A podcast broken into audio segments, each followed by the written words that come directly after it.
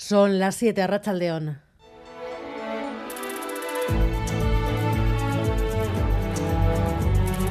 Gambara con Arancha García. Este es el PSOE que sabe, que está en política y que hace política para mejorar la vida de los, aunque le cueste votos. Y es el que sabe que moviéndose dentro de la Constitución y del Estado de Derecho, la traición estaría en no intentarlo.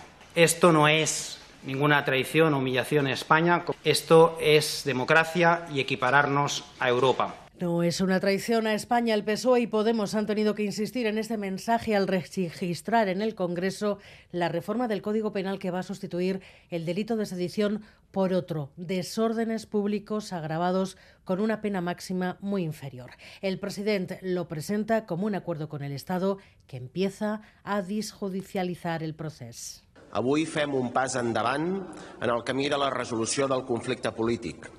Avui fem un pas important per posar fi a la repressió sobre el movimiento independentista. Y es que este cambio legal permitirá reducir las condenas a los condenados y huidos del proceso. La derecha acusa a Sánchez de poner por delante su interés político al interés de España y Núñez Feijó anuncia que si es presidente recuperará el delito.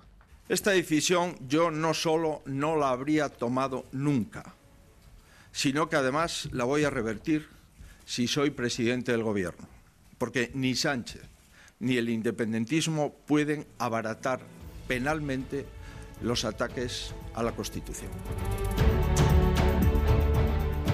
Este es el gran asunto informativo, el gran asunto político del día, pero además el Banco de España advierte de las dificultades que van a tener las rentas medias y bajas para pagar sus hipotecas. Un informe publicado hoy alerta que un tercio de los hogares con menos ingresos va a tener que dedicar hasta el 40% de lo que ganan a devolver las deudas de David Beramendi. Sí, el informe del Banco de España podría titularse Se avecinan turbulencias o algo muy parecido. Turbulencias para las familias vulnerables, pero también para las rentas medias. Todo por la subida de tipos de interés, es decir, por las hipotecas. Un tercio de las familias más desfavorecidas deberá destinar el 40% de sus ingresos, 4 de cada 10 euros, a pagar hipotecas y demás préstamos, el 14% en las rentas medias. Es un nivel que el Banco de España tacha de alto riesgo cuando la Comisión confirma que la Unión Europea y la eurozona están a punto de entrar en recesión técnica por la crisis energética. Se espera que remonte en primavera, pero remontará poco y es que pesan mucho las proyecciones de Alemania que continuaría en negativo durante todo el 2023. Consecuencias todas estas, esta guerra de la crisis energética, de la guerra de Ucrania, hoy con la confirmación de que el ejército ruso se ha retirado de Gerson. Завершена переброска подразделений российских войск на левый берег реки Днепр. Moscú ha anunciado esta mañana que esos 40.000 soldados han salido de la ciudad, lo que estamos oyendo, las voces, los gritos de los habitantes de Gerson que celebran la retirada Rusia, rusa. Y Hablamos ahora del Mundial de Qatar. Según el último informe de Amnistía Internacional sobre ese país, la población trabajadora migrante tiene prohibido afiliarse a un sindicato. Las mujeres necesitan del permiso de su tutor para casarse, estudiar e incluso trabajar en algunos empleos. El Código Penal tipifica las relaciones homosexuales como delito punible con hasta siete años de prisión. Es Qatar, el país del Mundial de Fútbol que comienza la semana que viene. Gary Suárez, ¿algo de eso importa? ¿Y usted verá el, Mundial de Fútbol de Qatar? Y lo voy a ver. Yes, for sure. Teníamos pensado igual algún día ir a casa de uno y verlo, pero en principio no tenía pensado. La verdad es que no me interesa. Sí, sí, sí pienso verlo. Dirigentes de la competición han pedido en más de una ocasión a los aficionados homosexuales que se abstengan de tener muestras de afecto en público. Es el caso del embajador del Mundial Khalid Salman, quien pidió que se respetaran sus costumbres y tachó la homosexualidad de enfermedad mental. Para las mujeres que vayan de otros países, las autoridades cataríes les han hecho una serie de recomendaciones en cuanto a su vestimenta, tales como no utilizar escotes pronunciados o no dejar los hombros descubiertos. El Mundial está en el ojo del huracán también por las pobres condiciones laborales de los trabajadores migrantes. Un informe de Amnistía Internacional concluye que un 90% de la mano de obra está siendo explotada. Algunos medios apuntan que 6.500 trabajadores migrantes han muerto durante las obras. Todo el mundo sabe que es un país donde no se respetan los derechos humanos, hasta el propio seleccionador español. Es un país eh, que le envuelve una serie de, de situaciones eh, conflictivas, pero esto es depende en lo que te quieras fijar.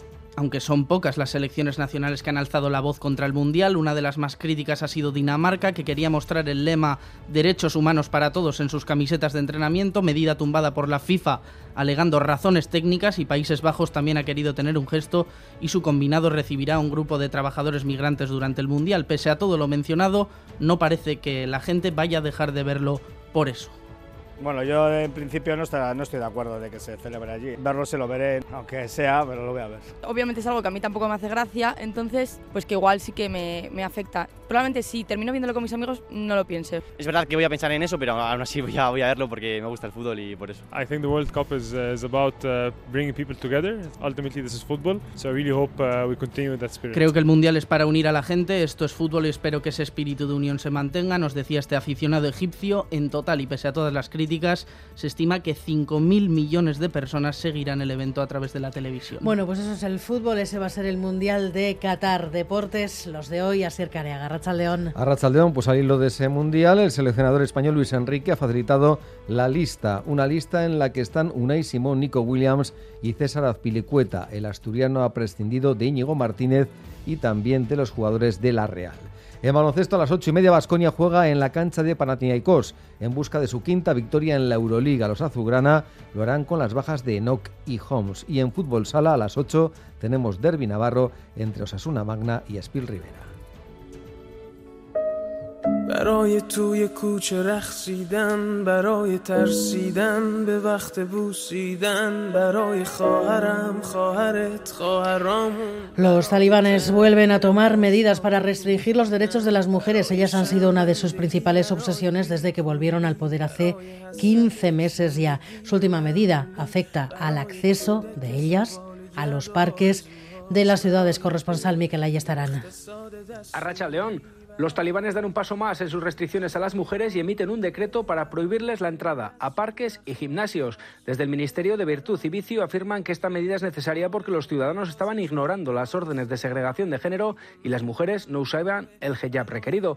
Primero llegó la prohibición de hacer deporte. Fue el primer paso en mitad del terremoto político y social que causó la retirada caótica de las fuerzas de Estados Unidos hace ya más de un año. Tras su llegada al poder, los talibanes no paraban de hablar de los derechos y el respeto a la mujer en el Emirato, pero en su nuevo gobierno gobierno interino no incluyeron mujeres y son solo hombres los que hablan en nombre de ellas. Después se cerró el Ministerio de Asuntos de la Mujer y después llegó el momento de regresar a las aulas y las niñas vieron cómo se cerraron las puertas en los centros de educación secundaria. El gobierno islamista está obsesionado con las mujeres.